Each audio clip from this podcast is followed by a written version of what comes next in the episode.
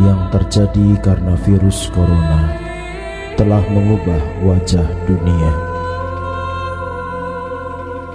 Jutaan orang terinfeksi, bahkan tidak sedikit nyawa melayang.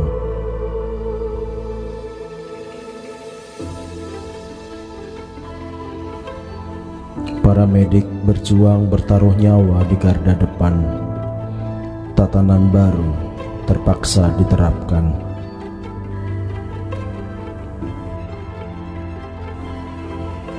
Kota mendadak sepi, penerbangan dibatalkan, perekonomian terjun bebas, jutaan orang kehilangan pekerjaannya.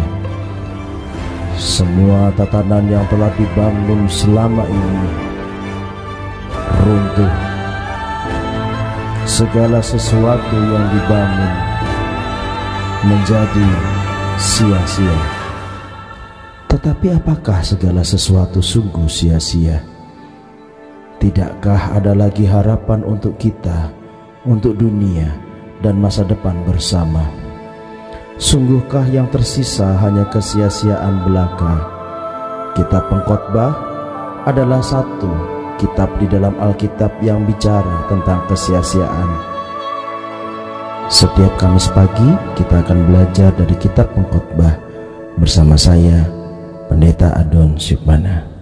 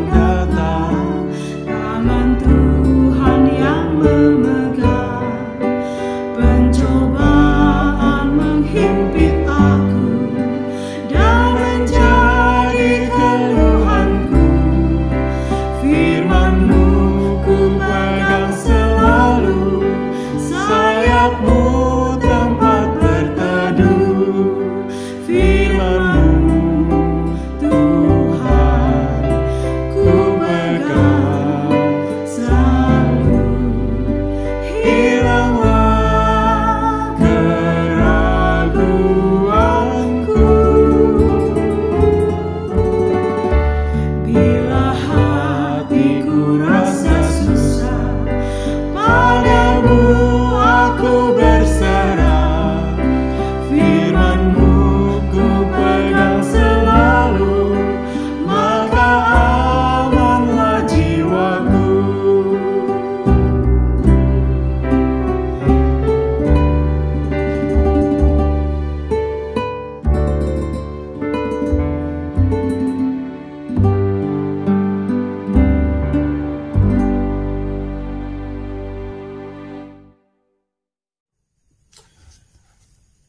Salam sejahtera, Bapak Ibu yang dikasih Tuhan.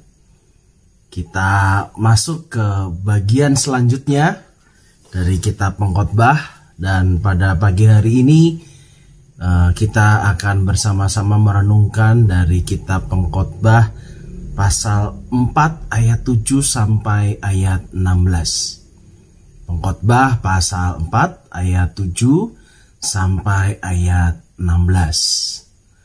Mari kita membacanya terlebih dahulu bersama-sama. Pengkhotbah pasal 4 ayat 7 sampai ayat 16. Aku melihat lagi kesia-siaan di bawah matahari. Ada seorang sendirian. Ia tidak mempunyai anak laki-laki atau saudara laki-laki dan tidak henti-hentinya ia berlelah-lelah. Matanya pun tidak puas dengan kekayaan. Untuk siapa aku berlelah-lelah dan menolak kesenangan? Ini pun kesia-siaan dan hal yang menyusahkan. Berdua lebih baik daripada seorang diri karena mereka menerima upah yang baik dalam jerih payah mereka. Karena kalau mereka jatuh, yang seorang mengangkat temannya, tetapi why orang yang jatuh yang tidak mempunyai orang lain untuk mengangkatnya. Juga kalau orang tidur berdua, mereka menjadi panas. Tetapi bagaimana seorang saja dapat menjadi panas? Dan bila mana seorang dapat dikalahkan, dua orang akan dapat bertahan. Tali tiga lembar tak mudah diputuskan. Lebih baik seorang muda miskin tetapi berhikmat daripada seorang raja tua tetapi bodoh yang tak mau diberi peringatan lagi. Karena dari penjara orang muda itu keluar untuk menjadi raja. Biarpun ia dilahirkan miskin semasa pemerintahan orang yang tua itu. Aku melihat semua orang yang hidup di bawah matahari berjalan bersama-sama dengan orang muda tadi yang akan menjadi pengganti raja itu. Tiada habis-habisnya rakyat yang dipimpinnya, namun orang yang datang kemudian tidak menyukai dia. Oleh sebab itu, ini pun kesia-siaan dan usaha mencari angin. Bapak Ibu yang dikasih Tuhan, sebelum kita merenungkan ayat ini, mari kita satu dalam doa, kita berdoa. Bapa dalam surga, kami mengucap syukur untuk perkenanan Tuhan, karena pagi hari ini kami boleh bangun, dan kami juga boleh membuka hari ini dengan firman Tuhan. Kami mohon agar firman Tuhan ini boleh memperbaharui kami sehingga kami boleh terus-menerus hidup sesuai dengan apa yang Tuhan inginkan. Tuhan tolong kami agar kami mengerti dan mampu menghayatinya dan Roh Kudus memampukan kami untuk melakukannya. Terima kasih ya Bapak. Berkati hambamu supaya hambamu juga bisa berkata-kata sesuai dengan apa yang Tuhan inginkan. Dalam nama Tuhan Yesus Kristus kami berdoa. Amin. Bapak Ibu yang dikasih Tuhan, sekali waktu um, ada ada seseorang yang bertanya kepada saya, berkata kepada saya, Pak Adon, kayaknya kalau jadi orang Kristen itu berat. Loh, kenapa jadi orang Kristen kok berat? Gak boleh kaya. Loh, kenapa orang Kristen kok gak boleh kaya? Soalnya kalau jadi orang Kristen kaya itu pasti gak masuk surga. Loh, alasannya apa gak masuk surga? Karena gak disukai Tuhan. Tuhan tuh sukanya orang yang miskin. Kalau sama orang kaya gak suka gitu. Bapak Ibu yang dikasih Tuhan ya memang terkadang ada teks-teks dalam Alkitab yang kok rasanya terlalu memihak orang yang miskin begitu sedangkan lalu juga terlalu me, apa menjelek-jelekkan atau membuat susah orang kaya. Salah satunya adalah teks yang kita baca pada saat ini. E, pengkhotbah pasal 4 ayat 7 sampai 16 Lembaga Alkitab Indonesia memberi judul kesia-siaan hidup. Dan di dalam pasal-pasal ini, dalam ayat-ayat ini maksud saya, itu kok seolah-olah Sia bener jadi orang kaya gitu ya. Kok susah banget sih jadi orang kaya gitu. Kayaknya kok uh, kaya tapi nggak bahagia gitu kok. Orang kaya kok kayaknya kok susah untuk bahagia. Sebetulnya Bapak Ibu uh, pengkhotbah atau Alkitab juga tidak anti pada kekayaan sebetulnya. Tetapi yang Alkitab ingin tekankan adalah bagaimana fokus hidup kita Bahkan mungkin kalau kita sudah menjadi orang kaya, fokus hidup kita itu bagaimana? Bapak Ibu yang dikasih Tuhan, pengkhotbah pasal 4 ayat 7 sampai 16 ini bagi saya saya mau bikin jadi tiga bagian besar. Jadi dalam perikop ini pengkhotbah berbicara pada tiga hal, tiga bagian besar. Bagian pertama pengkhotbah mau bercerita tentang Orang yang fokus hidupnya kerja terus. Haus akan kekayaan padahal dia tidak punya anak, nggak punya keturunan, atau dia juga nggak punya saudara-saudara yang kemudian artinya pengkhotbah mau, mengatak, mau mengatakan harta kekayaannya itu nanti nggak tahu buat siapa. Nah, lalu kalau kayak begitu terus buat apa mengejar kekayaan? Kira-kira pengkhotbah mau mengatakan begitu. Nah, bagian yang kedua ini agak membingungkan karena kebagian kedua ini banyak diambil untuk menjadi khotbah pernikahan, bahkan salah satu e, pernikahan pernah saya layani dengan memakai ayat ini begitu. Tetapi sebetulnya ini tidak bicara soal pernikahan, tetapi soal bagaimana hubungan kerja. Bagaimana orang bekerja satu sama yang lain, ya dia mereka mempunyai uh, rekan kerja itu bagaimana gitu. Nah, bagian yang ketiga Bapak Ibu ini adalah bagian yang memberikan sebuah sebuah wejangan dalam sebuah cerita bahwa uh, sebaiknya orang itu lebih baik untuk mau dan bersedia untuk mendengarkan hikmat. Dan menurut saya ketiga bagian itu uh, walaupun seolah-olah terlihat tidak nyambung padahal sebetulnya bagi saya pengkhotbah mau mengatakan satu hal yang yang nyambung satu dengan yang lain. Bapak sebetulnya pengkhotbah tidak tidak anti kok terhadap kekayaan, tetapi justru pengkhotbah itu mau mengatakan bahwa sebetulnya orang itu kalau fokus hidupnya pada kekayaan itu apa nantinya akan bahagia. Kalau kalau orang itu fokus hidupnya itu mencari kekayaan dan tidak pernah puas pada kekayaan itu, pengkhotbah mau bertanya apakah itu sesuatu yang membahagiakan dalam hidup. Punya uang banyak tapi tidak bisa merasakan sukacita. Kan ironis. Kerja mati-matian tapi tidak bisa merasakan sukacita. Kan itu ironis sekali Bapak Ibu. Bapak-Bapak yang dikasih Tuhan, justru di situlah letak di mana pengkhotbah mau mengingatkan betapa sia-sianya hidup ketika hidup itu ditujukan pada satu titik yang fana. Kekayaan adalah sebuah ke kefanaan. Bukan berarti tidak boleh kaya, boleh saja kaya. Tetapi kalau kemudian dengan kekayaan itu orang itu seperti memakai kacamata kuda, dan kemudian dia tidak melihat kiri kanan lagi, tidak melihat ada teman, ada ada sanak saudara, ada kehidupan lain selain dia mengejar terus bahkan pengkhotbah mengatakan sampai lupa bahagia. Apa itu yang dinamakan hidup? Padahal kekayaan itu ya, ya fana, mau gimana? Gak bisa dipertahankan.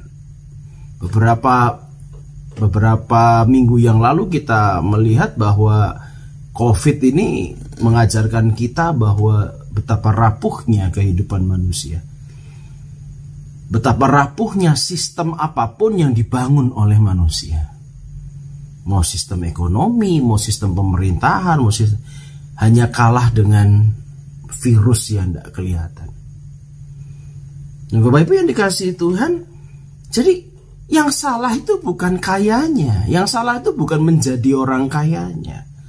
Tapi yang salah itu ketika kita memfokuskan hidup kita sampai nggak mau lihat apa-apa selain kekayaan. Mengeraskan hati selain kekayaan. Dikejar terus. Bahkan menikmati kekayaannya sendiri enggak. Nah pada bagian kedua sebetulnya pengkhotbah mau mengajarkan bahwa ya sebetulnya ya bisnis oke okay, nggak ada masalah. Bisnis itu justru malah menguntungkan. Kenapa? Karena kita ketemu dengan banyak orang. Ketika kita ketemu dengan rekan bisnis yang lain. Jadi Bapak Ibu ketika uh, pengkhotbah mengatakan berdua lebih baik daripada seorang diri itu bukan suara bukan ngomongin soal suami istri sebetulnya. Tetapi pengkhotbah mau mengatakan bahwa orang yang kerja bersama-sama, bekerja sama satu sama yang lain jauh lebih baik ketimbang orang kerja sendiri terus begitu. Yang yang jalan terus sendiri gitu. Kenapa? Karena mereka akan menerima hasil bersama-sama, mereka akan saling menolong satu dengan yang lain, mereka akan saling menghangatkan satu dengan yang lain. Jadi tidak tidak terfokus pada dirinya sendiri terus begitu. Tidak seperti bagian pertama tadi yang diceritakan bahwa ada orang yang mengejar kekayaan itu fokusnya dirinya sendiri. Pokoknya aku harus kerjain ini terus begitu. Apa kata mau memberikan sebuah sebuah gambaran yang berbeda tentang bisnis justru.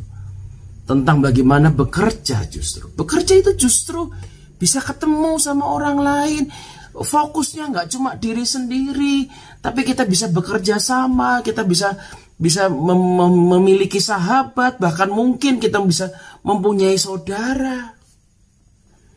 Jadi justru kalau kita nggak maruk, wah maruk gitu ya, tidak serakah begitu, kita akan menemukan banyak hal, banyak relasi, banyak hubungan, banyak banyak kebaikan di dalam bisnis, di dalam usaha yang kita lakukan. Sekali lagi, persoalannya adalah apa fokus hidup kita. Nah persoalannya kalau kita sudah fokus menentukan satu titik yaitu saya kejar kekayaan, saya akan mengeraskan hati saya, saya menutup hati saya, saya tutup mata saya, fokusnya pada itu terus. Itu sama seperti raja yang bodoh. Pada bagian ketiga pengkhotbah mengatakan seperti itu. Sia-sia hidup seperti itu. Dia raja, raja tua lagi. Jadi kalau orang tua itu Justru kalau dalam kebudayaan Ibrani, orang tua itu justru adalah orang yang disegani, dihormati. Kebanggaan seseorang adalah menjadi tua dan menjadi putih rambutnya. Seperti saya yang sudah mulai memutih rambutnya ini ya. Itu kebanggaannya seperti itu ya mungkin agak berbeda dengan kita gitu ya. Aduh sekarang kalau orang tua itu malah tidak boleh ke gereja, nggak boleh masuk ke mall gitu ya. Orang tua kok rasanya kayak dibuang begitu kali ya. Tapi kalau uh, ya sebetulnya bukan bukan itu masalahnya ya, tapi karena karena ya karena covid ini kita justru bukti cinta kita kasih kita itu menjaga supaya orang-orang tua kita itu jangan kenapa-napa gitu kan ya. Tapi kalau orang Ibrani Bapak Ibu, wah semakin tua, semakin rambutnya putih itu semakin disegani. Dalam kondisi seperti itu dia raja. Berarti dia sudah terhormat, orang tua terhormat, kaya lagi. Tapi pengkhotbah mengatakan, wah orang kayak gini celakai. Loh, kenapa? dalam masyarakat uh, Yahudi, wah orang kaya begini ini orang yang paling wah yang kepingin orang menjadi seperti itu. Tapi pengkhotbah bilang celaka. Kenapa? Karena mengeraskan hati. Karena tidak mau menerima uh, masukan. Karena tidak mau melihat yang lain. Nah, jauh lebih beruntung, wah dikontraskan pada bagian yang ketiga, jauh lebih beruntung kalau apa? Kalau ada seorang muda yang masuk penjara. Nah itu kan suatu kontras yang luar biasa sekali. Ini ada orang muda, orang muda dibanding orang tua, lebih terhormat orang tua, tapi orang mudanya ini bukan cuma sekedar muda yang dipandang sebelah mata, Udah orang muda masuk penjara lagi. Ah, siapa dia? Tapi orang muda yang masuk penjara ini mau menerima, mau membuka hati, mau kemudian menerima masukan. Mau menerima hikmat. Justru orang yang ini nih, yang muda yang masuk penjara ini, justru dikatakan jauh lebih beruntung, jauh lebih berbahagia. Nanti pada saatnya orang ini justru akan menjadi orang yang sukses, orang yang baik. Nah, Bapak Ibu yang dikasih Tuhan dalam bagian ini kita diingatkan persoalan utamanya adalah bukan jadi orang kaya atau tidak jadi orang kaya. Persoalan utamanya bukan soal kekayaan. Tapi persoalan utamanya adalah apa fokus hidup kita apa yang kita kejar mati-matian dalam kehidupan ini? Apakah kita mengejar sesuatu yang fana sekalipun itu adalah kekayaan? Yang konon katanya kekayaan itu bisa membahagiakan banyak orang. Pertanyaannya adalah kalau kita kejar itu mati-matian, apakah kita jadi bahagia? Apakah kita juga menjadi orang yang dikatakan sukses? Jangan-jangan apa yang sudah kita lakukan saat ini adalah kesia-siaan di atas kesia-siaan. Itu kata pengkhotbah. Bapak Ibu yang dikasih Tuhan, apa fokus kita dalam hidup? Amin. Mari kita berdoa. Bapak, pada pagi ini kami belajar untuk kembali mempertanyakan atau kembali melihat apa fokus hidup kami. Seringkali kami ini memfokuskan sesuatu yang fana. Kami lupa bahwa yang fana itu akan hilang, akan akan musnah tetapi kami terus mengejar itu sampai kami akhirnya tidak mendapatkan kebahagiaan. Kami mengejar kekayaan tidak pernah puas. Pada akhirnya kami tidak bahagia. Kami mengejar popularitas dan kami tidak pernah puas. Pada akhirnya kami tidak bahagia. Kami mengejar yang namanya kesuksesan hidup menurut diri kami sendiri. Dan akhirnya kami tidak bahagia. Bapak dalam surga pada saat ini kami diingatkan. Hidup yang tidak sia-sia itu adalah hidup yang justru mau membuka diri. Mau membuka diri kepada sesama Mau menerima masukan Mau menerima hikmat Dan itu justru adalah hidup yang penuh dengan kebahagiaan. Karena melalui itu kami boleh dibangun kami boleh dikoreksi, kami bahkan menjadi pribadi yang lebih baik dan lebih baik hari demi hari. Karena itu ya Tuhan ingatkanlah fokus kami. Mampukanlah kami untuk merubah fokus ketika ternyata fokus yang kami lakukan ini adalah kesia-siaan. Dan kadang kami tidak menyadarinya Tuhan. Ya Bapa, kami berdoa Tuhan sendirilah yang akan menguatkan dan mengubah kami. Kami ingin merasakan kebahagiaan dalam hidup kami. Dan dalam kebahagiaan itu juga kami rindu untuk melayani Tuhan dan menjadi berkat. Terima kasih ya Tuhan sepanjang hari ini Kami meyakini Tuhan memberkati kami dengan luar biasa. Dan setiap berkat-berkat yang luar biasa yang Tuhan berikan, kami meyakini itu bukan saja soal uang, bukan saja soal keberhasilan, tapi juga teguran Tuhan, hikmat dari Tuhan, kegagalan, dan semua hal yang membuat kami menjadi manusia yang lebih baik dan lebih baik dari hari ke hari. Tolong kami ya Roh Kudus untuk dapat menerima berkat-berkat Tuhan sepanjang hidup kami. Agar hidup ini tidak menjadi sia-sia. Terima kasih Bapak dalam nama Tuhan Yesus Kristus kami berdoa. Amin. Bapak Ibu yang dikasih Tuhan demikian doa pagi kita, doa pagi seri kita pengkhotbah sampai jumpa minggu depan dan di hari Kamis setiap hari Kamis kita akan tetap terus mendengarkan uh, renungan doa pagi dari seri kita pengkhotbah ini. Sampai ketemu minggu depan, Tuhan memberkati kita.